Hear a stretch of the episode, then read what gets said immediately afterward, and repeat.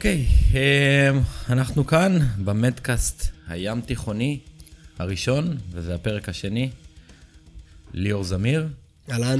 ארתור ושושו שלא נמצא כאן היום. יש לנו אורח מיוחד, אייקוני ונדיר, אורן וייס. אהלן, אהלן אורן. שלום, שלום. אבל לפני שמתחילים בכל פודקאסט, עושים את זה.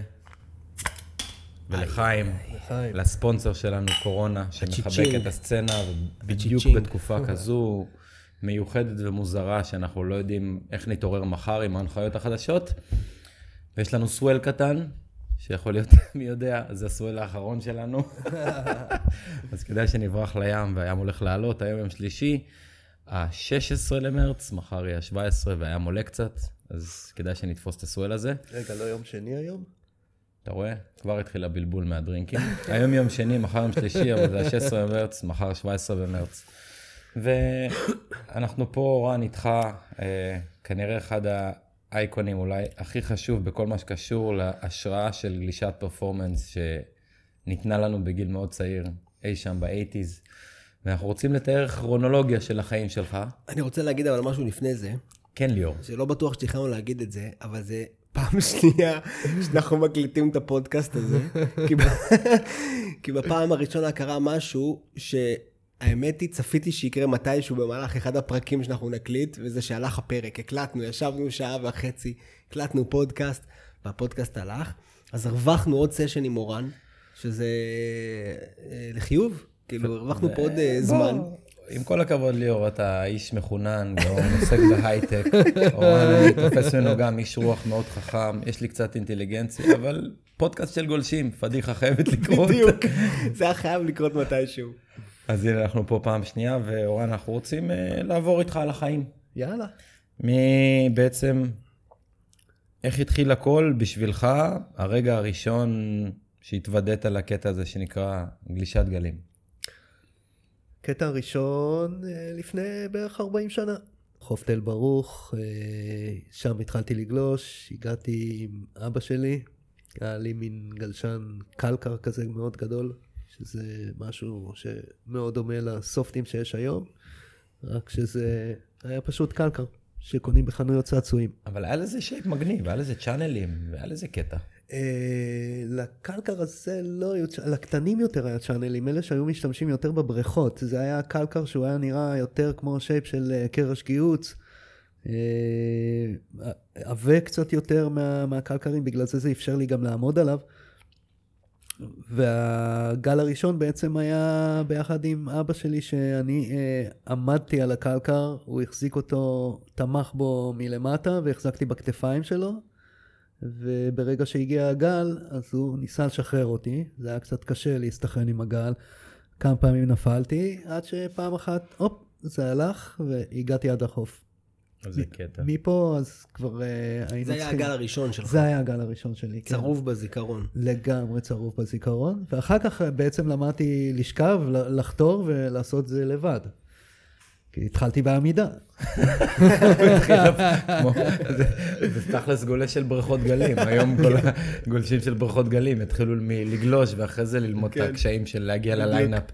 אבל לחפש את הגל. אה, בסך הכל היה לך גלשן פאר הטכנולוגיה, אורן. ומעניין אותי דווקא הסצנה בתחילת הדרך, תל ברוך, כאילו איזה גלים, אם יש גולשים מוכרים כבר, שאתה יכול לראות ולקבל השראה ולהבין כאילו מה, מה קורה.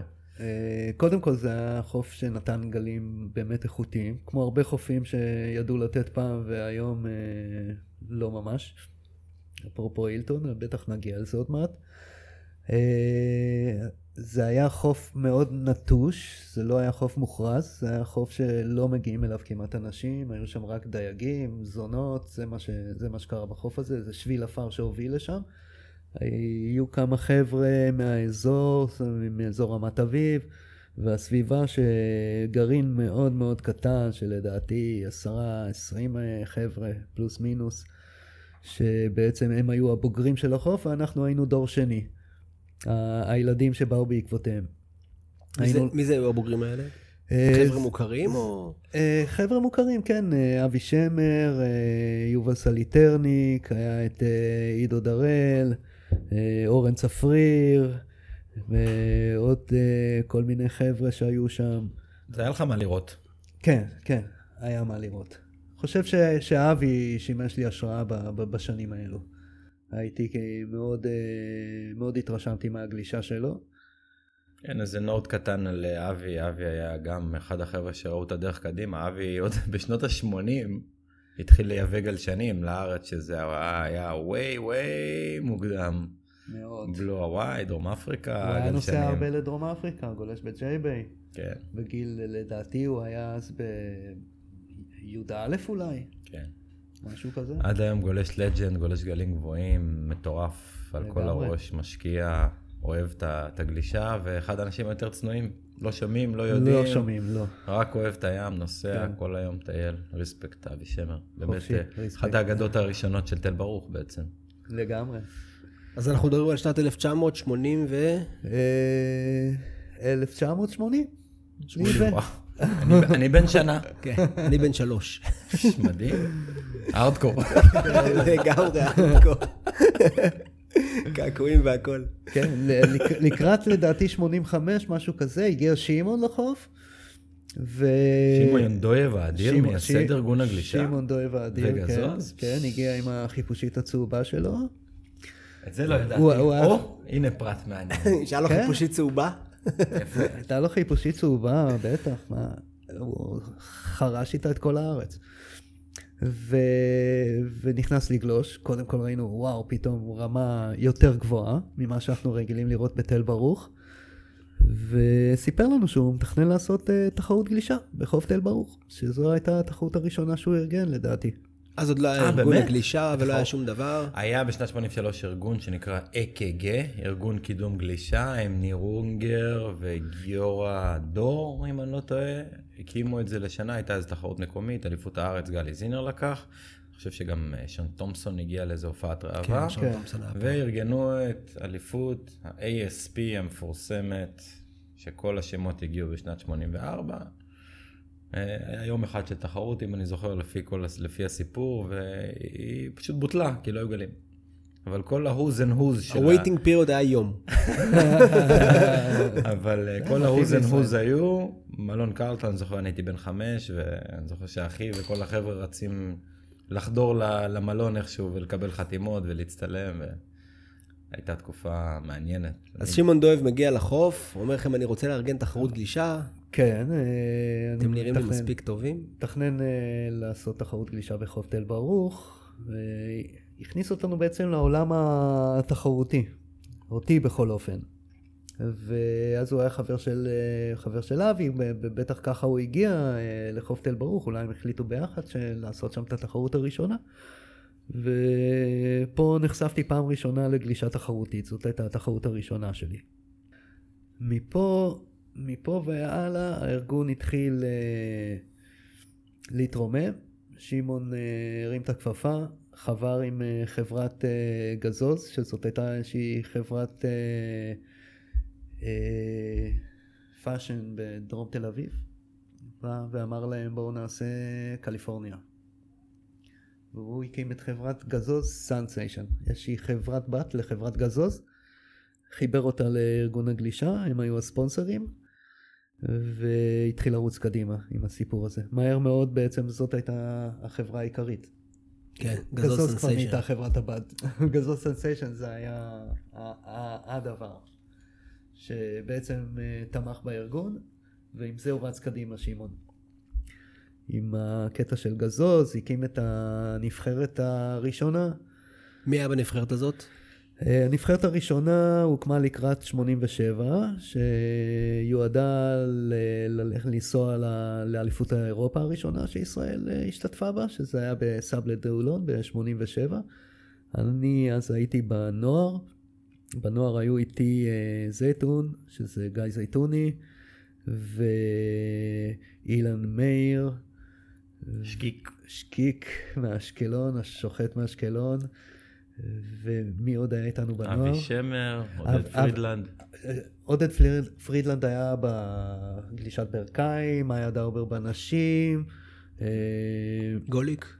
גוליק היה בבוגרים. ציון גל- אבירם? גלי צינה, כן, גם הנתניאתים שם אמור. היו, אה, גם ציון וגם מעוז. Hmm. אמור, גלי, אבי שמר, אה, גוליק, הוא בעצם שתי דורות של, שני דורות של כן. אה, גולשים, הדור שלך והדור של אמור. ו... כן, הדור חתיכת- תכלס חתיכת. כוח יצא לאירופה. כן, ממש, ממש מה. היה? מה נגמר? שמה, הג- הגענו לשם, הם כולם היו בשוק. לא ידעו על ישראל, לא ידעו שיש שם גלישה, ובטח לא ברמה כזאת. גמלים, זה מה שיש בישראל, תשמע. עמד, עמדנו איתם, ו, ופשוט הבאנו, כאילו, היינו איום על כולם. זה הייתה תחרות של אירופאים בלבד, או היה גם חבר'ה מאמריקה, לא, יורוסרף, זה, היה. אליפות אירופה. אליפות אירופה? אליפות אירופה. שנתיים אחר כך זה היה אליפות עולם. זה היה אליפות אירופה, ששלטו שם אה, צרפתים, ספרדים ואנגלים. כמו מה שקורה היום, פלוס ואיפה מינוס. איפה ישראל סיימה? אם אתה אומר שיש שלוש נבחרות ששולטות. ישראל סיימה במקום השלישי. אז את מי בעטתם למקום הרביעי? אז זה כבר אני לא זוכר לגמרי. אה, לדעתי, אה, לדעתי את הספרדים, אם אני לא טועה. מה אתה זוכר מה- מהנבחרת, מהתקופה, מהנסיעה הזאת? זאת אומרת, נוסעים אה, עכשיו, כמה חבר'ה הייתם בנבחרת סך הכל? אני זוכר שזו הייתה נבחרת מאוד מאוד גדולה. זאת אומרת, אני זוכר תמונות מהתקופה נראה הזאת. לי סדר גודל של 20 חבר'ה. כן, זאת אומרת, נבחרת, אני זוכר תמונות שהיה. שם, כאילו, קאדר של גולשים, ממש כאילו, כל- כל קבוצה. גולש חתכה. כן, כל גולש רוב, גם... רוב, החבר'ה זו הייתה הפעם הראשונה שלהם שהם רואים אוקיינוס. זה לא כמו היום שכל ילד בן 14 כבר כן, כבר היה במלדיבים. 14 טיולים. הגענו לשם עם האוטובוס ש... שהוא הגיע לקו הים וראינו פעם ראשונה את הפסים האלה של מה שהאוקיינוס יכול לתת, היינו בשוק. היה צעקות בתוך האוטובוס. פתאום גל ארוך, שלא נשבר אחרי זה ביצוע אחד. משהו שלא ראית לא, בחיים גם שלך. היה מנק, אני זוכר מהסיפורים, היה, לא? היה, מה זה ענק? היה, היה בערך שני מטר נראה לי, משהו כזה, מה שאנחנו כאילו קוראים היום.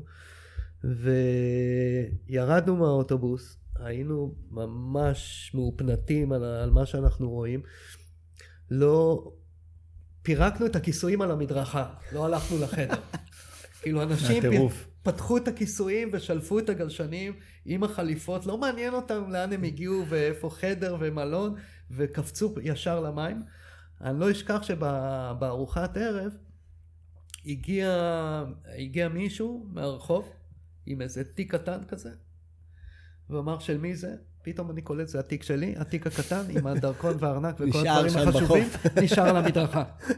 לא הספקתי עוד להבין בכלל ולהיכנס לחרדות שאיבדתי את זה בכלל, עוד הייתי בעין של הגלים. עכשיו, אחד אחד הדברים שאני זוכר זה תמיד שמעון רואה אותך, הוא קורא לך לפטיט פלוטר. זה נולד שם? זה נולד שם, כן. ולמה? אה, לא יודע, כרוז אה, שם החליט שזה הסיפור, הייתי מאוד מאוד קטן, זריז על הגלים, עושה המון פלוטרים בדרך. floater היה נחשב לביצוע אז. לגמרי, חופשי. והוא אה, אמר, le petit floater, le petit floater. המצוף הקטן. אפשר לתרגם את זה גם ככה. אוקיי, אז נבחרת אה, גדולה, עמוסה, באה ונותנת בראש לאירופאים. כן, עשינו זעזוע רציני. 33 שנים אחורה. מה זה עושה, מעניין אותי לדעת כאילו ברמה התפיסתית האישית, מה זה עושה לגולשים שעד אותו רגע, כמו שאתה אומר, לא נסעו לשום אה, אה, טיול גלישה בעולם, באים, מגיעים לאוקיינוס, מגיעים לאליפות אה, אירופאית, לוקחים את המקום השלישי, מה זה עושה ברמה האישית? כאילו, איך אתה מרגיש אחרי זה? כאילו, זה לעבור מ-0 ל-100 ביומיים בערך. כאילו, אתה פתאום נהיה, וואו, אני גולש פרו, ואני לוקח תחרות. איך זה מרגיש? זה לא נחתנו. פשוט כאילו נפתח שם איזשהו סרט שרק עם ריק, כי מהר מאוד זה היה, נאמר, אה, התחרויות האלה זה כל שנתיים, ויש כל שנתיים גם אליפות עולם. אז יוצא לך שנה אליפות אירופה, שנה אליפות עולם. אז מפה התחיל איזשהו רצף מסוים של תחרויות בחו"ל, בכל מיני מקומות. גלישה שהפתיח היה סאבלה דולון בצרפת, וזה היה סרט שפשוט לא הפסיק, ורק עלה ועלה ועלה. כשחזרתם לארץ, הרגשתם שינוי ביחס של האנשים אליכם, בחוף, בפיק? כאילו, בהחלט, בהחלט. היה הבדל. היה הבדל רציני. כאילו הוכחתם את עצמכם ברמה הבינלאומית. חבל על הזמן. כאילו חזרנו ב- בוואו, וואו רציני. סתם מדהים. עכשיו אה, בוא נקפוץ להיום, כאילו, מה קרה בעצם? הספרדים בסבב, ב-WSL, צרפתים, אה, אנגלים, אה, כולם בסבב, וישראלים כן. עדיין בישראל. היה איזשהו מקום בדרך שה... מה- מה קרה- מה קרה בעצם? התפצל.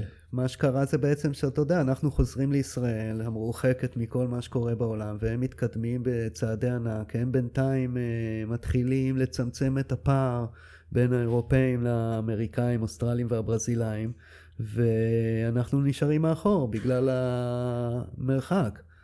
שהוא בעצם עושה את ההבדל, כי באירופה WSL הגיעו לתחרויות, הסבב, חלק מהסבב זה אירופה, והם חווים את זה, וגולש אירופאי, נאמר שיש לו כישרון בתור ילד, שהוא מתחיל עם תחרויות מקומיות, ואז אה, יש לו לאן ללכת, הוא יכול להמשיך עם תחרויות קצת יותר רציניות ועם QS, ואחר כך אה, לקבל איזשהו תקציב מסוים ולהתחיל לנסוע למקומות הקרובים קודם, אם זה אה, נאמר צרפתי, שייסע גם לפורטוגל, גם לספרד ולעוד תחרויות בקנרים, ולאט לאט הוא בונה את עצמו.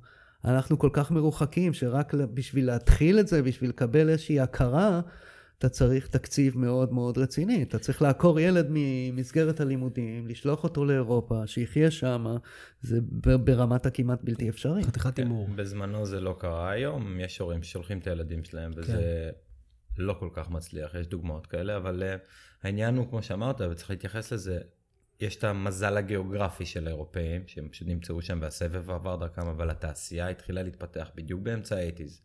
מותג שנקרא ריפקרל עבר ל... אה, מנגלט, אם אני לא טועה, או לאוסגור, ביסס שם את עצמו, והתחילה להתפתח תעשייה אוסטרלית-אמריקאית בתוך אירופה, ולהעצים את אירופה. אז יש המון המון כסף שזורם ולפתח את החבר'ה המקומיים שם. נכון. מה שאצלנו עוד היה כן. רחוק אה, שנות אור, למרות כל הצלחה של כן. גזוז. וגם מעניין, עוד איזשהו נושא מעניין, שאני קופץ רגע דווקא לגזוז, שההצלחה של גזוז זאת הייתה כל כך עוצמתית, וזה ניואנס מאוד מעניין, שהיא פיתחה אחרי עוד מותגים בישראל. Octopussy ו Inca ו Sunset נכון. ו Offshore וכל הדברים האלה. כלומר, אז היה לנו איזה משהו מקומי שנורא מחקה את מה שקרה שם.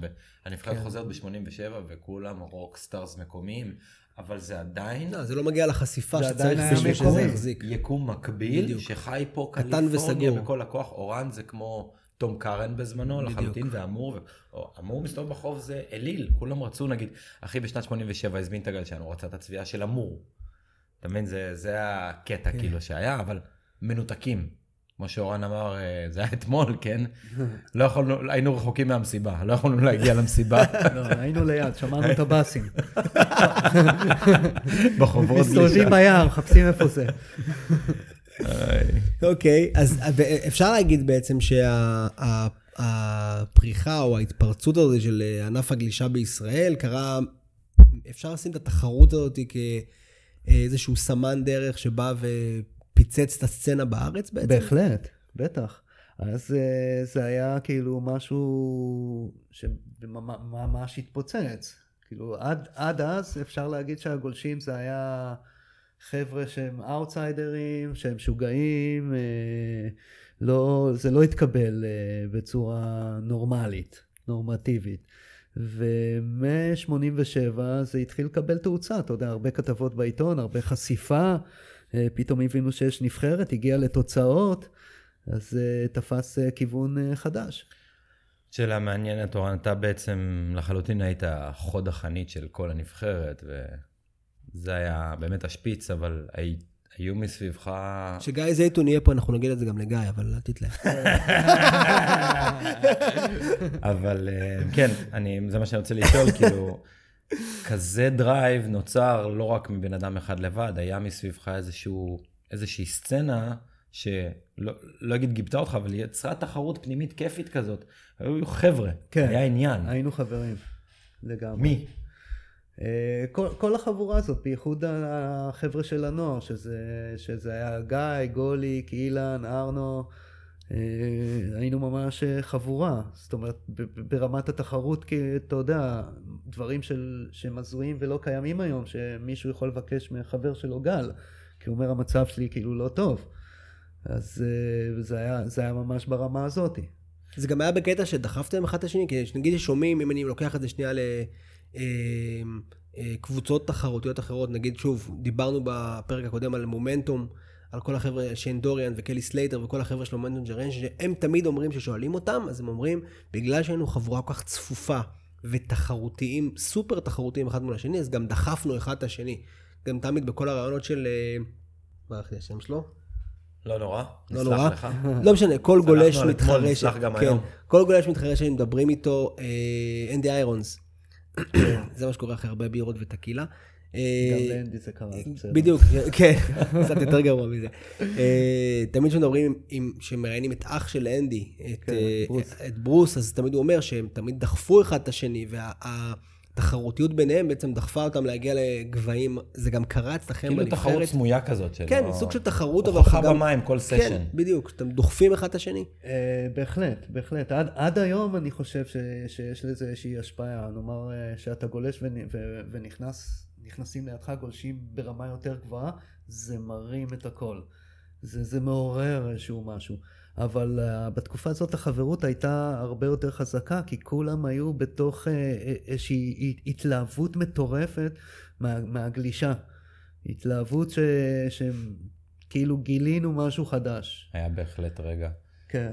אה, עוד דבר מעניין, שזה מוביל אותי לשאלה אחרת. עכשיו אתם באתם הדור הצעיר בעצם, היו את האלילים לפניכם. שמעון אמר, הוא היה השוחט האמיתי, אבל הוא עבר לבקליין לארגן את כל העניינים, והיו גלי ואמור שהיו המובילים, כן. ואתם באתם כמו דור שבא לבעוט להם בפנים, כאילו. ואיך היה, איך הייתה ההתייחסות? כאילו, הרגשתם שזה, הם מקשים עליכם, הם מעודדים אתכם, פתאום אתה, אתה בא מתל ברוך להילטון פתאום, רואים אותך שם במים. איך היה ה vibe מול הדור היותר מבוגר והיותר מכובד כביכול, הלוקליסטים, הלוקלים של הילטון? מה מה שזכור לי אישית זה, זה פרגון. כי היה פה גם את הקטע של אה, אז היה בעצם לא כמו היום שיש כל כך הרבה מותגים של גלשנים אז היה את אה, אינטרסרף ואת מוסה. היה מחנה של זה מחנה של זה גלי היה מוסה אמור היה אינטרסרף. מה זה ליאור, פתחת עוד בירה? היידה ליאור. סוף, תביא לי גם. רגע אז בואו נעשה את זה רגע, לחיים. רגע, רגע. צ'יצ'ינג, אתנחתא. היידה קורונה. היידה. גלוק, גלוק, גלוק, גלוק, גלוק, גלוק. אז הם אה, נורא תמכו ב- בדור הצעיר בעצם. שנאמר, סתם דוגמה, גוליק היה עם אה, מוסה, ואני וזייטון... אה, ו... גלי גם היה במוסה. כן, גוליק היה כאילו עם גלי, ו... ואנחנו היינו יותר עם אמור, שזה היה אני, אילן מאיר, ארנו וזייטון. זה, אלה הם היו בעצם המחנות. אוקיי. אז הרגשנו פרגון, בייחוד באילטון, שזה היה פיק מאוד מאוד מאוד צפוף וקשה, אבל uh, נתנו לי להרגיש שם, אתה מוזמן לעשות מה שאתה רוצה. מדהים, מדהים. אז זה, זה, זה השאלה הבאה בעצם, אילטון, אתה בא ילד, גדל בביץ' ברק של תל ברוך, גל מגניב, אייפרם, צינורות, בלה בלה בלה, חול. היום הראשון, אתה זוכר את היום הראשון שהגעת לאילטון? אני זוכר את היום הראשון, כן, הגענו קודם דווקא לטופסי, זה היה יום של, לדעתי היום זה 40 חצי עם צפונית, שבקושי היו גולשים, אתה יודע, לא באים בימים כאלה. היום יש 150 איש במים. תשמע, זה היה- מטורף. הסואלים של פעם, הם, הם החזיקו כמה ימים, שהיום האחרון של אה, חצי מטר שישים, שזה מכובד להיום, אף אחד כבר לא בא. כבר לא מעניין. כן. אין כוח, די, נמאס. היו, היה להם שלושה ימים ברצף מזחים, איי-פריים באילטון, מי, את מי מעניין עוד יום של חצי מטר? אז זה היה ימים שהייתי חוגג, בגלל שהייתי לבד עם עוד כמה חבר'ה, הגדולים כבר לא היו באים. זה היה הימים הכי נפלאים. אילטון, אה, אז הגעתי, מה שהתחלנו להגיד, הגעתי, היינו קודם בטופסי, ואז הסתכלנו על אילטון. מהצד, מהכיוון של טופסי, זה לא היה נראה ש... לא, כל כך רואים את הגל מהכיוון הזה, ופתאום כשאתה נכנס, אתה קולט משהו אחר לגמרי, לא משהו שציפית. גל אה, שהוא על, עם מים יותר רדודים, עם סלע יותר חזק, גל מאוד מפתיע, ואז ישר התאהבנו בחוף הזה. אה, ברגע שעלה סואל רציני וכולם היו במים, זה, זה היה הצגה רצינית. כאילו, אתה רואה גל עם משאבה, עם צינור, על סלע מאוד רדוד, אתה רואה את המור יורד בבקסיידים שלו, מפוצץ את הגל. גל עם הגלישה העגולה שלו, אמור עם הגלישה האגרסיבית, ושמעון בול באמצע.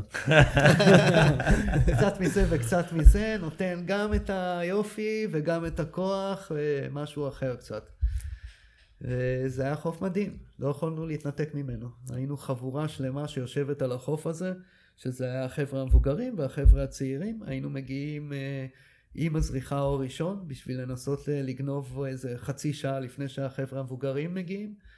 לשבת על הפיק, ואיך שהם מגיעים, אנחנו מתחילים לזוז הצידה. תגיד, הייתם מודעים למה שקורה במקומות אחרים בארץ? אני וארתור דיברנו על זה לפני כמה ימים, על כל הקטע של, תמיד מדברים על הלידה אה, של הגלישה בישראל בחוף הילטון.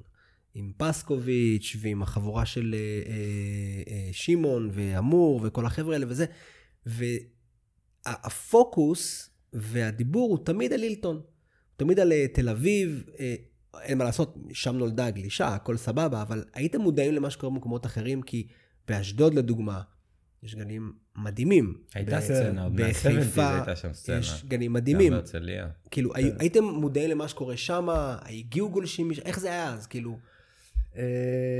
קודם, קודם כל, המקום הראשון שנחשפתי אליו זה היה בת גלים. שפשוט אה, יום אחד אני ו- ואלדד, חבר שהוא עד היום ארטקור בין הרציניים פה בארץ. אחי. אלדד מה? אלדד מכתיר אותו כאחי. כן, אח יקר. אה, הגענו לתל ברוך ביום של סערה של דרומית שאי אפשר להיכנס למים. הגיעו אבי שמר ו- ויובל, הגיעו. אמרו לנו, אנחנו נוסעים לחיפה, רוצים לבוא איתנו? ברור. היה לי, אני זוכר, היה לי גלשן כזה קטן, הוא נכנס בבגאז'. אנחנו עושים, זה היה בול, סערה בול לחיפה, כאילו, עם הרוח דרומית יושבת. איך שאנחנו עושים את הסיבוב, אנחנו בשוק, שפתאום אנחנו רואים את, ה, את הכל מסודר, מתנקה. שורות, נקי, כאילו סוואל, איך זה יכול להיות בכלל? הכל משתנה שם פתאום. הגענו לבקדור, אנשים בתוך צינורות, זה לא הגיוני בכלל. אז אה, זה, זה היה בעצם החוף הראשון שנחשפתי אליו, שזה היה בקדור בחיפה. מחוץ לאילטון. מחוץ לאילטון, ואז באמת כל סערה דרומית היינו פוקדים את החוף הזה. ולקראת ה... שהתחילו התחרויות, 86 ככה, אז uh, התחילו לעשות תחרויות כל פעם במקום אחר, שזה היה גם אשדוד ובת uh, ים, uh, והרצליה נראה לי עוד לא הייתה בתמונה בכלל. בתקופה הזאת. לא זוכר את הרצליה, אתה יודע מה? ב-80 ו... הייתה סצנה. בטוח שהיה, אבל החבר'ה של הרצליה לדעתי היו מגיעים לקאנטרי. כן, זה השנים הראשונות של המרינה. לא, זה קצת יותר מאוחר. היינו גולשים פה ושם בקאנטרי, ואז בנו בעצם את המזח אה, של הדרומי. הראשון, כן, שחצה. שחצה, ואז הוא פתח באמת נקודת כן. גלישה חדשה, ו... וצפונית למזח הזה, זה פתח נקודה שעבדה בגלים מאוד גבוהים. זאת אומרת, זה, זה ידע להחזיק כאילו... מטר, כן. כן, ים של 2, 2 פלוס, וזה החזיק אותו כן. בלפטים, אה, חבל הזמן. באמת ברמה מאוד גבוהה, ואחר כך כבר בנו את המרינה. ואז התחילה לאט לאט כל הסצנה של הרצליה, אבל עד אז אני לא זוכר את הרצליה. כשהייתם מגיעים לחיפה ולאשדוד, אז היו כאילו, הייתה... הנה הגיעו החבורה מתל אביב, היה חיבור, הסצנה התחברה, או ש... היה חיבור, הכרנו את החבר'ה ששם, של הבקדור. אני שואל את זה כי אז... והתחברנו איתם. אז לא היה פייסבוק, לא היה אינסטגרם, כאילו, אתה יודע, היום, היום כאילו יש 700 חברים, 700, יש 5,000 חברים בפייסבוק, ש... כן. 4,500 הם, אתה בחיים לא מכיר, כן, כאילו, אתה רק אומר להם... זה משהו אחר לגמרי. בדיוק, ואז לא הייתה החשיפה הזאת, אז כאילו, איך שמעו על הגולשים בתל אביב? גם לא היה 4,500 גולשים בישראל. נכון, בדיוק, נכון. בדיוק, זאת אומרת, איך, איך שמעו עליכם? אז כשהגענו לשם, אז אה, קודם כל התחברנו עם החבר'ה המקומיים, והיינו מתחילים להגיע כל הזמן, היינו פשוט הולכים לארלוזרוב עם הגלשנים, עולים על הרכבת, מכניסים את הגלשנים ונוסעים לבת גלים. ויורדים שם, אז היו לנו כמה חברים, עם, זה היה, אני זוכר היינו ישנים אצל רני ודני, איזה אחים שגרו שם ממש בצמוד לבקדור, היה את יוסי צ'יוואווה, ועוד, ועוד כמה, אלון שמעוני, ועוד כמה חבר'ה. אה, ופשוט אה, התחברנו איתם. היינו מגיעים המון המון לחופים האלה, ו... והיה מאוד נחמד. היה ממש אחלה vibe, קיבלו אותנו בברכה. לא היה את הלוקליזם הזה שיש היום, שאל תבוא לפה וכאלה. לא, לא, ממש לא. טוב, גם זה היה מסות אחרות של גולשים, אז זה משהו אחר. ה eighties היו שמחות ומלבלבות, ו rockstardom וכל השמחה, ו... כן, אתה יודע. ואז הגיעו ה nineties. אז הגיעו ה nineties, האפלות הקודרות עם המטאל והגראנג' והסצנה השתנתה. שושו לא פה, אפשר לדבר על מטאל. אה, כן, אבל אה, כן, הסצנה השתנתה, הטרנד השתנה, גזוז צנחו, המשמר השתנה, פתאום אה, סמדר שהייתה המזכירה של הארגון. נכנסה לתמונה. אתה חיית את זה כן, בעצם. לגמרי. אז ספר על. הטרנספורמציה הזאת, על השינוי הזה. אה, אחרי ששמעון וסוסו בעצם סיימו את הסיפור שלהם עם גזוז ועזבו את הארץ, אז אה, סמדר המשיכה עם הארגון שלפני זה הייתה ככה עזרה להם והתחילה לעשות איזושהי חפיפה, ו- והמשיכה את זה הלאה, לנסות בעצם לשמר אה, את מה שהם עשו, אבל אז הייתה איזושהי ירידה אה, בכל העולם לדעתי, עם ה- בגלישה, ירידה אולי של משהו כמו עשר שנים אפילו. כן, עד שהגיעו ה Extreme Games. כן. אז זה עוד קצת leap קדימה, נדבר על זה אחרי זה. כן, אז, אה, אז היא בעצם, אה, היא הייתה שם, ו... והיא הביאה בעצם את הקונספט של קייטנת גלישה. היא הביאה את זה מאנגליה, ופתחה את הקייטנת גלישה הראשונה בישראל, אה, שזאת הייתה קייטנה של ארגון הגלישה למעשה. ואז אני הייתי בדיוק בגיל הזה ככה של אה, לקראת... אה, צבא. אה, לא, סיום לדעתי, שירות צבאי או משהו אוקיי. כזה, או שבדיוק השתחררתי, כבר לא זוכר. נראה לי תוך כדי. וניהלתי עבורה בשטח את העניין הזה של הקייטנה, אז היה, עשינו קורס מדריכים ראשון, שזה היה ביחד עם, אז היה צחי האוס, ואילון, וגיא, ואני, ועוד אה, הרבה חבר'ה, דאובר. בועז. אה, בועז גם היה שם אז? אה, בועז לא, בועז נראה ורז לי הוא זה דור אחרינו, הוא היה עוד כן, אה, כן. קצת צעיר. ו... והייתה קייטנה שהיא פעם הייתה בהרצליה, פעם אה, בצוק, פעם קייטנה במכמורת. של הארגון, ב- זאת אומרת, זה- הקונספט היה קייטנת גלישה, שהארגון בעצם... אה, שהארגון- מפעיל אותה. סליחה, סליחה, אתם מזלזלים. זה לא קייטנה. בית ספר לגלישה. אבל גם- קייטנה זה לא זלזול, אבל זה... בוא נגיד, אה, אה, אה, פורמט מוסדי, פורמט מוסדי, זה מה שהחזיק את הארגון, זה מה שהזרים זה לו היה את הכסף בעצם. כן, כן. כי אז זה כבר נגמר ימי גוזוז. כן. אז אה, זה מה שהחזיק את הארגון, זה מה שמימן את כל התחרויות, זה הכניס לו אחלה כסף. זה היה מצוין, זה כאילו היה פרויקט כאילו מטורף של סמדר. זה היה בית ספר לגלישה שהיה בעצם עובר מ- מעיר לעיר. באיזשהו, ש- באיזשהו שלב הוא התקבע בחוף הצוק, אה, אבל לפני זה הוא עבר מעיר לעיר, כן. פעם בבית ספר הקציני ים במכמורת שם, פעם אחת נסענו לאשדוד, אה, בהרצליה עשינו כמה סשנים, ובסופו של דבר זה התקבע לחוף הצוק. אבל מה זאת אומרת, הוא עבד חד יומי כזה? מה זה פעם אחת? כאילו, אה, היום, היום קייטנות גלישה או בתי ספר לגלישה, לצורך העניין, הפיק שלהם זה חגים, זה פסח, זה קיץ, זה חנוכה, זה כאלה. עבדנו ב- בחודשי החופש הגדול, וכל פעם בלוקיישן, כל שנה בלוקיישן אחר. אה, זאת אומרת, כל שנה היה בעצם לוקיישן אחר שאתם באים ומפעילים את כן. הבית ספר הזה. אוקיי, וואו. כן. ואז אה, אנחנו מדברים על סדר גודל של 20-30 ילדים, כאילו בשיא הקיץ בקייטנה. אה, לא מה שקורה. היום. מהמם. אחר כך התחילו להיפתח עוד קייטנות, אה, והגענו לאן שהגענו היום. אורן, וחלק מחברי קוראים לך ג'וז. היה לך חבר שקראו לו ארנו. כן. זה זה- כמה אנקדוטות מהימים המיוחדים איתו. ארנו גם היה אחד השוחטים, גולש באמת בחסד, עם ביצים מאוד גדולות. וגם אה, טיפוס מאוד מאוד מעניין וססגוני, נקרא אחד לזה כזה שהיינו ככה. רוצים לארח אותו בפודקאסט. לגמרי. חופשי, אין. ספק. אחד כ- פודקאסט שאינו נגמר גם, אחד כזה שהיה יכול לעשות היום סדר בכל חוף בארץ. או בעולם. גם בעולם. ועשה. כן. עשה, עשה הרבה. חופשי. ספר לנו איזה, איזה כמה זיכרונות מעניינים, אליפויות עולם, איזה סיפור קלי סלייטר טבסקו, אני זוכר. כן, כן, היה היה איזה סיפור כזה. לפני זה, אבל ספר על, קודם כל, מי זה ארנו, כי ארנו מכירים גולשים מתל אביב, גולשים קצת מהרצליה, אבל אני חושב ש... או מי שטייל בקוסטה ריקה. כן, אבל אה, בוא תספר רגע מי זה ארנו, מי זה הדמות הזאתי, כי זו דמות די גדולה, אני חושב, ששווה, כאילו, אני, אני הכרתי אותו כמובן דרך הגלישה, אה, דרך התחרויות, ובתחרות של 87, ואז ממש נהיינו חברים, שהנושא המשותף שלנו היה גלישה. והוא היה לו עוד כל, כל מיני נושאים שהוא התמחה בהם. הוא היה ברדקיסט לא קטן, היה שובב גדול. והוא הטיל קצת אימה בחוף, הוא היה עושה המון סדר, זאת אומרת מי ש... בילטון. כן, באילטון. מי, ש... מי שנראה לו בסדר, אה, יש לו אור ירוק, מי שלא, יש לו אור אדום. שזה אומר כאילו הוא לא יכול לגלוש פה, או שהוא צריך לעבור למרינה, שלב א', או שלב ב', אה, לצאת החוצה ולא לחזור יותר. הוא היה קומישיונר של אילטון. לגמרי, תשמע, בכל חוף בעולם שהיינו מגיעים הוא היה מתנהל באותה צורה, אפילו שזה לא חוף שלו והוא לא מכיר ולא שום דבר, וזה היה עובד. היה, היינו בקליפורניה, מישהו הפריע לו וחטף. לא משנה שאחר כך נהיה בלאגן אימי וברחנו משם, כי בכל זאת זה לא חוף הבית שלנו.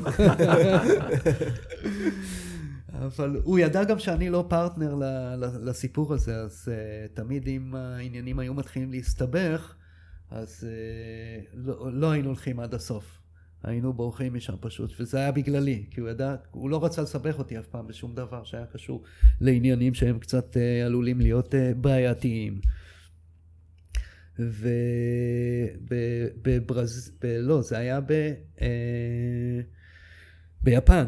ביפן. ישבנו באליפות העולם ב-1990, ישבנו על שולחן, אז היה שם קלי סלטר, רובן שדו. אה, ארנו פנה לקלי, אומר לו, אם תשתה את הבקבוק טבסקו, את הכל, 50 דולר. קלי אמר, מתאים לי. על 50 דולר. 50 דולר מתאים לי. שופכים את הטבסקו לתוך הכוס, המאמן קולט את זה מהקצה של השולחן, בא בריצה, אומר לו, לא, אסור לך, אתה לא יכול לעשות את זה, אני לא מוכן, בשום פנים ואופן. קלי ירד מהעניין, אמריקאי אחר מהנבחרת שלהם אמר, טוב, טוב, אני אני, אין בעיה. שפך את כל הטבסקו לתוך הכוס, שתה את הכוס כמו צ'ייסר, יצא לו עשן מהאוזניים, האישונים שלו התחילו להתגלגל, קיבל את החמישים דולר ורץ לקנות אה, מים וטפו צ'יפס וכל דבר שיכל להעביר לו את הטעם של החריפות. זה היה מצחיק לגמרי. זה אחלה אנקדוטה על ארנו. אבל אה, כן, גם אה, הייתי איתו בקוסטה ריקה תקופה, וכן, סוג של ההתנהגות שאורן צייר, אבל לשלב עם זה, חייב להגיד, הוא היה גולש חיה. היה גולש עוצמתי, היה לו סטייל, וכל מה שתגיד על האופי והכל, אתה רואה במים, יש השראה, אין מה לעשות, זה כיף להיות עם זה במים. והוא אהב לגלוש, הוא באמת... הוא היה חולק לי שם. הוא אהב לגלוש. זה היה בן אדם שאם אתה נמצא לידו, אתה, אתה לא יודע מה יקרה עוד רגע. כאילו, מאוד מאוד מעניין. היה סוג של קסם, אין ספק, הוא היה מאוד כריזמטי. אתה, לא יודע לאן זה ילך, כל הסיפור הזה. והמון המון אנשים, אני יודע שהמון אנשים כאילו נחוו, אבל מעט מעט מאוד כאילו זכו לראות מי זה הבן אדם באמת, כאילו בפנים. אה, וזה באמת קצת חבל. אבל זהו, זה, זה מה שהיה איתו. זה ארנו. כן, טוב. זה ארנו. קופצים קדימה, סיימנו עם אה, ימי גזוז, ארגון, אמצע ה nineties, בתי ספר לגלישה, slash קייטנות. אה, סוף ה eighties, סוף ה nineties, סליחה, אורן יושב עם עוד כמה חברים ושואל את עצמו מה, מה עושים הלאה. מה עושים? אז זה היה סוף הקייטנות, עוד uh, עשיתי קייטנות עם סמדר. Uh, גיא עבד עם צחי שאז הגיע לארץ. גיא זיתוני. גיא זיתוני ו... ובעצם התחיל uh, לפתח ולהרים את uh, Billabong ביחד עם Reef ו Arnette. היה להם חנות קטנה בירמיהו. ואיילון חזר מארצות הברית אחרי שהוא אה, נפגש שם עם פסקוביץ' שהכיר לו את ה Black Flys, שזו חברה של משוגעים, שעל הדרך עושים גם משקפי שמש. ומלא מדבקות. ומדבקות בטירוף. חברה של מדבקות וגם משקפי שמש. כן, זה, היה, כן. היה מטורף, חברה מטורפת. ו... ואמרנו, יאללה, בואו בוא נלך על זה, בואו נרים משהו, ואז פתחנו בעצם... אה, חנות בשם Water Creatures, יצורי המים. מי זה פתחנו? מי זה היה? אני וגיא ואילון. אה, גיא זייתוני ואילון וסדיאס. ו- והתחלנו לרוץ עם זה, הבאנו כל מיני מותגים לארץ, נסענו לתערוכות בארצות הברית, אה, רק שקצת הקדמנו את זמננו, השוק עוד לא היה ממש ממש מוכן לזה. אה, הבאנו את הזיכיונות של Al Merrick, של Lost, Ocean Minded, Black Flys, והתחלנו לרוץ עם זה. עד, עד אז עוד לא היו פה גלשנים תוצרת חוץ, וזה היה קצת, אה, לא, לא ידעו איך לאכול את זה. בעצם איך, למה, למה לקנות גלשן בעצם ב- בערך באלף שקלים יותר יקר ממה שמוכרים בארץ? אני מאלה שלא ידעו לאכול את זה. אני זוכר, גיא אמר, אנחנו מביאים את מריק. אני אומר לו, מי יקנה ממך גלשן ב-3,300 שקל? מה נראה לך? תראה איפה אנחנו נמצאים היום. וואו. אחרי התקופה של אינטרסרף ומוסה ב... בישראל. וספיידר, מדרום וספיידר אפריקה, קצת אה, מנסה כן, לנגוס כן, להם עשינו. עשינו הרבה בקטנה. דברים שעוד לא, עוד לא קרו פה בעצם. למשל כמו, כמו המלדיבים למשל. עשינו סיבוב למלדיבים, בין הראשונים, אז לפנינו אני ו? חושב... מה זה? 2002? אחת. אזור 2000, משהו כזה. טיול המפורסם. כן, ראינו גן עדן, חזרנו, עשינו איזה סרט וידאו, והתחלנו להקרין אותו בחנות ולהתחיל לשלוח לשם אנשים. וזה, ו- וככה זה בעצם התחיל. התחלנו עם אופיר טור, סגרנו איתם איזושהי עסקה או משהו כזה, תמורת עמלות, אני כבר לא זוכר, והתחלנו להוציא אה, חבר'ה למלדיבים. זה לגמרי הסיפור הזה של ויז'נריז, אתה יודע, לפעמים נגיד, נגיד שמעון אה, ב- ב- ב- עם גזור וזה, פגע. כן. והם הם, הם לחלוטין קטע של הקדימו את זמנם וסבלו. רצנו רחוק מדי. ככה זה. כאילו מהר ורחוק עם ההתלהבות כן, והפשן כן, וכל הקטע, אנחנו כאן ועכשיו. ואז מגיעים ה- הדברים שבאו אחריהם, ואז התחילה להיוולד בעצם התעשייה המודרנית, שאנחנו מכירים אותה היום. נכון. חלוצים תמיד אוכלים אותה באיזשהו, באיזשהו, באיזשהו מובן. שכן או כאילו, שלא, או שכן לפעמים. או שלא, אבל אה, כן, כן, אתה יודע, לפעמים שאתה מביאים את מקדים את זמנך בחמש, עשר שנים. הקדמתם את זמנכם בעשר שנים, אני חושב. לגמרי. לא, לא, אפילו לא פחות. כאילו, עשר שנים. נ- נ- בוא ניקח את אל מריק, אוקיי, המותג הזה שהם הביאו אז, והם הביאו וכמה אנשים קנו את הגלשנים, כמויות של עשרה אנשים בשנה אולי, לא, אורן, משהו כזה. בערך, היינו עושים משלוחים של אה, חמישה גלשנים, ואנשים היו מחכים לזה חצי שנה, כל חצי אז- שנה אז- חמישה גלשנים. אז, מדהים. חמ- אז עשר שנים אחרי זה, 2000, אני זוכר ב-2008, אני כבר עובד אצל שמעון עם גודשה ואירופה וזה, וכבר על מריק בישראל, אנשים קונים גלשנים כן. ב-4,200 שקל. זה שם. שם שקונים. אנשים רצים, נוסעים עד לאשקלון, ו- ויש שוק, מתחיל שוק ממש עוצמתי. אז אה, מישהו אחר עשה את ה... כן, זה לגמרי. vision, זה בדיוק ההגדרה של visioners, של אנשים, אנשים עם חזון, כאילו, אתה יודע, הם מפלסים את הדרך, ואז אחרי, אחרים באים והולכים בדרך הזאת. כן. אנחנו בעצם אה, סגרנו כבר את החנות, ואז ישבנו, אני זוכר, עם אה, Intersurf, עם ניר ועם איציק, אייל היה איתנו, אייל גרינברג, וסגרנו איתם בעצם, כי, כי ידענו שיש פה איזשהו משהו ש, שאותו אנחנו רוצים להמשיך, שזה היה על מריק, אפילו שאנחנו סוגרים את החנות, אז אה, ישבנו עם החבר'ה של אינטרסף, עם ניר ועם איציק, ואמרנו שהם אה, ימשיכו את זה. ודיברנו עם אה, על מריק והצגנו להם גם את המכונה שהם פיתחו אז באותו זמן, וכבר היה איזשהו אור בקצה המנהרה שהם אה, יתחילו לה- להקצות את הגלשנים פה במכונה שלהם.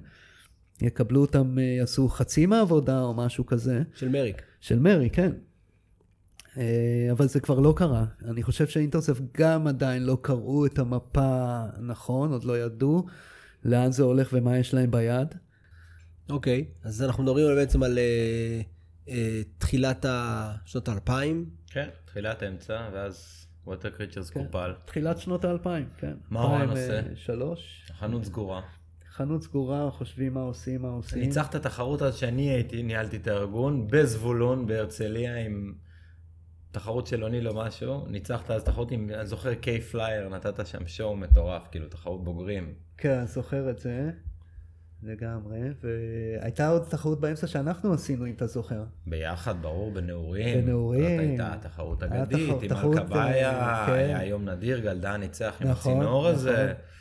היה יום אגדי, זה היה זה היה תחרות, זה היה תחרות- קונספט. זה היה קונספט הקונספט. מקצ... מקצועי, כאילו תחרות של פרוס. ב... שואו, שעשינו פעם כסף, ראשונה. היה הרבה כסף, כן, לא? כן. אוניל הביאו כסף. היה גל- שם כסף. וגל דהן, אני זוכר, כאילו, הביא אותה ביום הזה. צילומי מים, ב-2000 ו... לא יודע מה. עשינו הפקה, ערוץ הופעה חמש, גיא היה פרשן, אה, ביחד עם גיל קופץ, ש- שלומי ברחם, להקה בעיה, אה, ארתור, כאילו, משהו מטורף עשינו. זה היה באמת, באמת זה, זה. היה ווטר קריצ'רס כאילו, ב...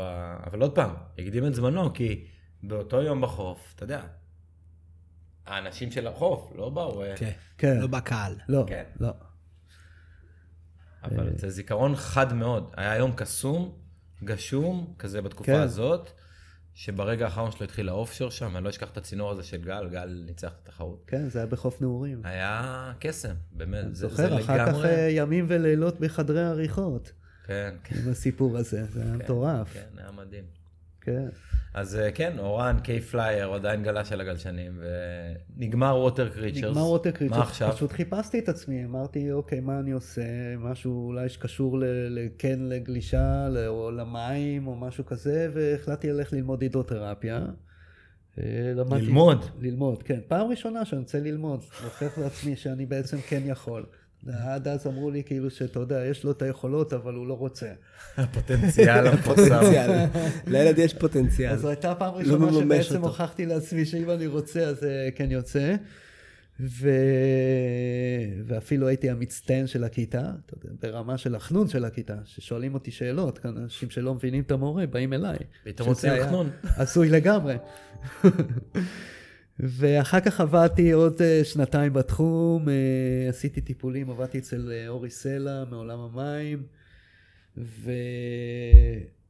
היה הרגשה של עבודות שירות לציבור בעצם. זו הייתה עבודה מאוד קשה, מאוד מתישה.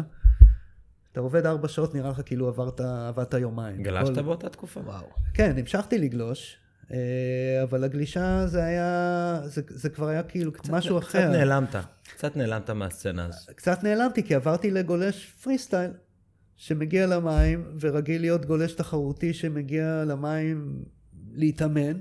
פתאום אתה מגיע רק לכיף שלך, אתה אומר, רגע, אתה מתבלבל קצת, רגע, מה עושים עכשיו? למה באתי?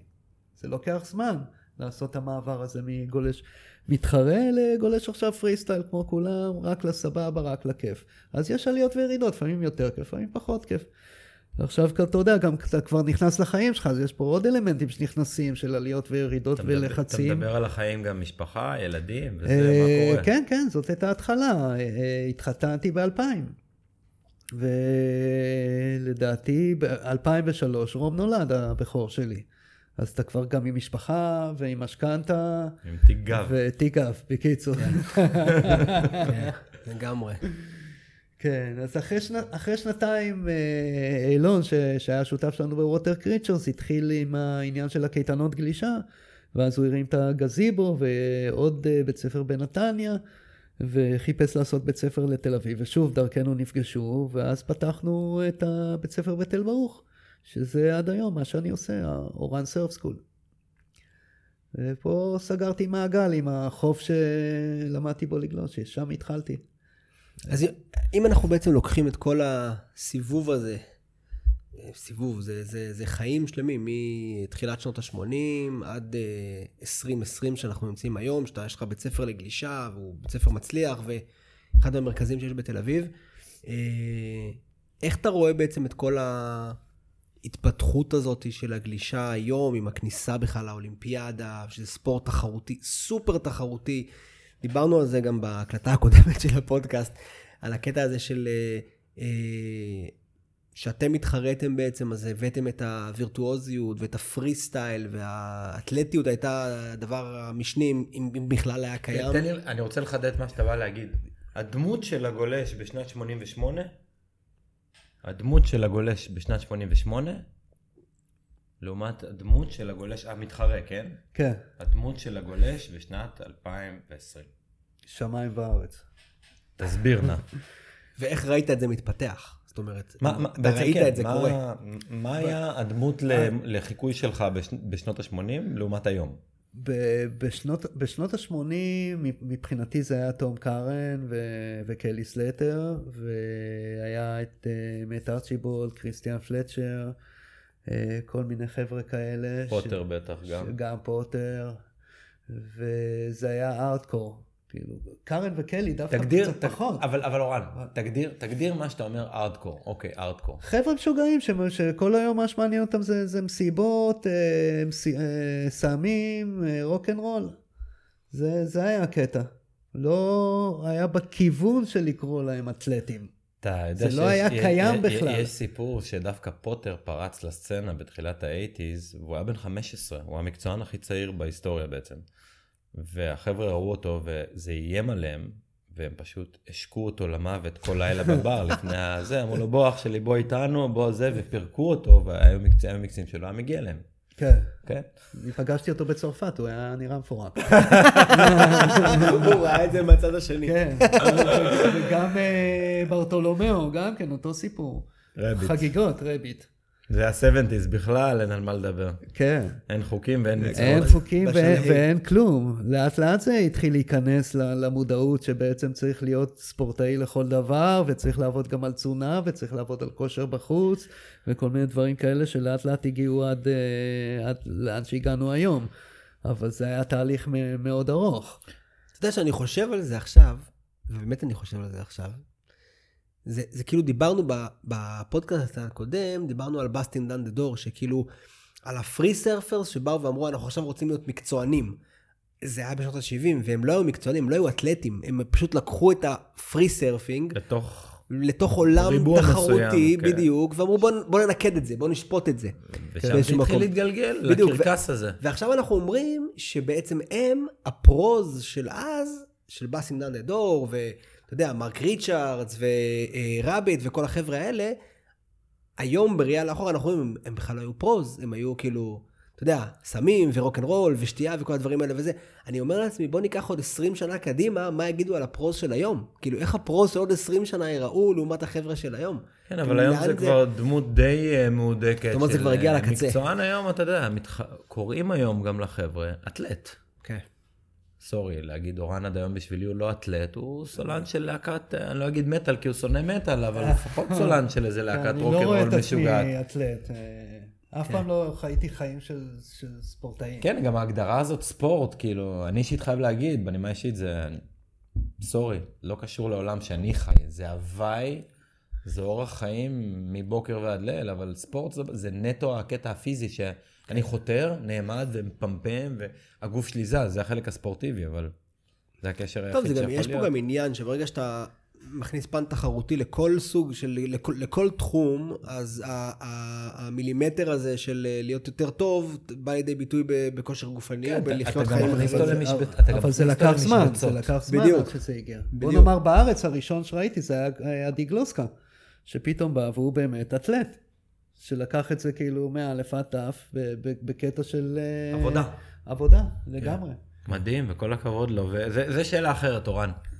היום, אתה בן 48, אתה עדיין גולש מדהים, תודה. אתה נהנה לגלוש? פרק.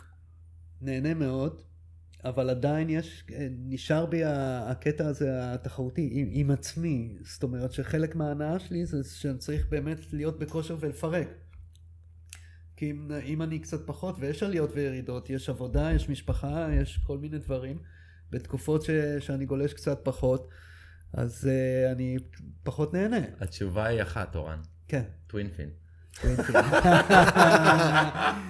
תשמע, צריך להיפתח לדברים האלה, כי אנחנו, אנחנו גדלנו על משהו שיש לך גלשן אחד טוב, אתה לא עוזב אותו, אתה מחבק ולא עוזב. ואחר כך אתה מגיע ל... ל- ל shaper שלך, שהיום ה shaper שלי זה חני, ואתה אומר לו, תשמע, תעשה לי בדיוק את אותו דבר. ו- ואנחנו יודעים ש- שאין כזה דבר אותו דבר. גם אם יש לך מכונה, אין כזה דבר אותו זה דבר. נכון. מה, אבל, מה אתה אה, חושב באמת על ההתפתחות הזאת של, של, של הגלשנים בעצם? כי גם זה, זה דבר שחווית, זאת אומרת, הגלשנים הצרים והקטנים בתקופת העניין, זה, זה, זה, והיום אנחנו חוזרים לגלשנים של fun, twin fins, יותר נפח, יותר... אני חייב להגיד לפני שאורן בא להגיד משהו, אה, אה, אני מסתכל על אורן ויש לי אורן גלשן magic אחד, כי אני גולש די הרבה בתקופה האחרונה, הוא גלשן יותר מורחב, הוא לא מה שהיה ב nineties, יש לו איזשהו מודרניזציה רגרסיבית של החור, קצת יותר רחב ונוח, עם אספקטים קריטיים בגלשן, אבל הדור הזה גדל על גלשן קריטי, רדיקלי, לסחוט לגל את הצורה. וזהו. עד. הסוף, רדיקליות, אגרסיביות. אתה רואה את עצמך עולה על טווין פין כזה?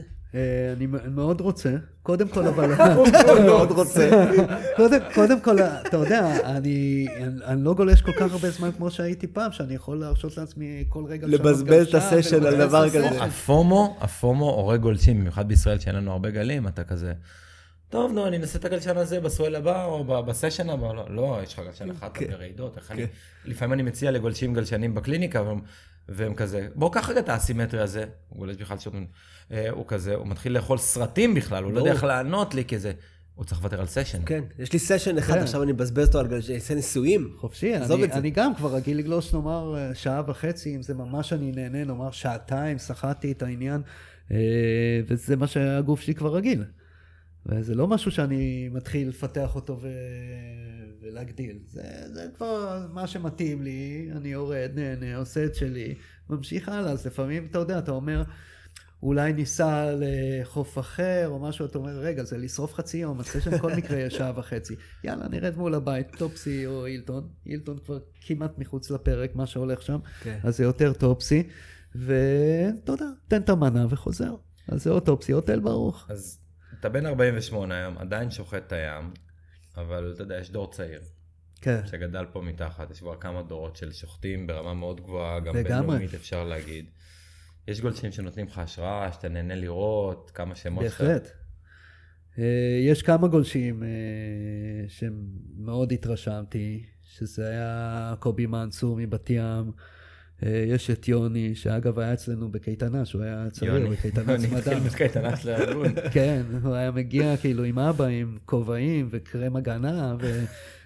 גם היום בא עם קרם הגנה. משלו. כן, כבר אז. כן, כבר אז הוא שמר עליו מהשמש, חבל על הזמן, כאילו הייתה להם מודעות של, שזה לא היה לאף אחד. ואז יוני כמובן, גולש מוכשר שחבל על הזמן, וטלה סייג מאשדוד, גם כן, אחד הגולשים הטובים. אה, אין ספק, יש, יש כישרונות, יש כישרונות ואנחנו גם יכולים לראות חבר'ה צעירים עם כישרון, אבל עוד פעם אנחנו חוזרים לאותה נקודה, שהבעיה שאנחנו כל כך מרוחקים, ש, שקשה להם להשתלב ב- בסצנה העולמית. ההזדמנויות. כן, כמה שהם לא ייסעו לחו"ל, זה בשביל להצליח שם צריך להיות שם מגיל צעיר ולחיות שם. היום אבל, היום הקושי הוא פי כמה וכמה לעומת עשר שנים אחורה, עשרים שנה אחורה, שלא לדבר שלושים שנה אחורה. יש לנו איזה שפיץ אחד שאפשר לחדור דרכו, קוראים לו, קוראים לה ענת לליאור. באמת יש לה איזשהו יתרון, אני רואה, ואני רואה שיש לה פוטנציאל עם קצת להחזיק אצבעות להגיע ל-W. אין ספק. לסבב של ה-CT. יש לה עוצמה היום, שאין לה הרבה מתחרות אפילו ב-CT. הקטע הטכני, היא צריכה לשפר ברמת ה-new school שלה, אבל טכני, כן, יש לה bottom turn וויפים בבקסייד ועוצמה, שאין להרבה גולשות ב-CT. ויש לנו איזה זווית דרך ענת, וזה מרגש לראות אותה גולשת. אין ספק. היא סנסציה נשית בגלישה. משהו שבאמת אה, הכ- הכ- הכי, הכי קרוב לבאמת הצלחה עולמית. בוא, בוא נגיד משהו. רן, מאוד חשוב, אתה יודע, כל גולשי הילטון יש להם backside גרוע, לפחות ל regular footers, והיא לא באה מהילטון, יש לה backside מפלצת. פצצה, כן. יש לה בקסייד יותר טוב משלי, לא יודע עליך. יש לה, יש, יש לה כוחות על. היא באמת חיה, היא משהו. כיף כן. לראות אותה. כן, זה משהו יוצא דופן. ואנחנו באמת מאחלים לה הצלחה, ושתגיע רחוק כמה שיותר. כן, ענת לליאור. טוב, אנחנו בטח גם נארח את ענת לליאור פה אה, מתישהו. יגיע הרגע. בדיוק. שתגיע ל-CT. אחרי האולימפיאדה. אחרי האולימפיאדה. ניתן לה שקט ליד האולימפיאדה, ואז אנחנו כן. נציק לה. אה, אוקיי, על הכיפאק. אה, מה עם אה, WSL, תחרות וכאלה דברים? אתה עוקב, רואה, יוצא לך קצת... עוקב בדרך כלל, תוך כדי השנה מכיר את הפרצופים החדשים, את החבר'ה שעלו מה-QS, מתחיל ללמוד את העניין מחדש כל שנה. אה, וכן, זה מאוד נחמד, אין ספק, אני אוהב תחרויות, אוהב לראות את זה. הכי טוב שיכול להיות. כן. טוב, מגניב. נהדר. אורן, הכיפאק. אה, respect אדיר ל petit floater. שמחתי להתארח. ל petit floater זה חזק מאוד. אורן, תודה רבה שבאת אלינו. תודה לכם. אנחנו ממש ממש ממש שמחים לארח אותך בפעם השנייה. אתה כזה אייקון שהיינו חייבים לעשות את זה פעמיים. בפעם השנייה. אז. אה, זהו, אוקיי, אחלה אורן, תודה רבה. אה, עד כאן המדקאסט שלנו עם אורן וייס. תודה ארתור, תודה אורן. אה. תמשיכו לעקוב אחרינו, פידבקים, תגובות, כל דבר שתדעו יתקבל בברכה. עד הפעם הבאה, לכו לגלוש, תנו המון ריספקט במים ותהיו אחלה. יו!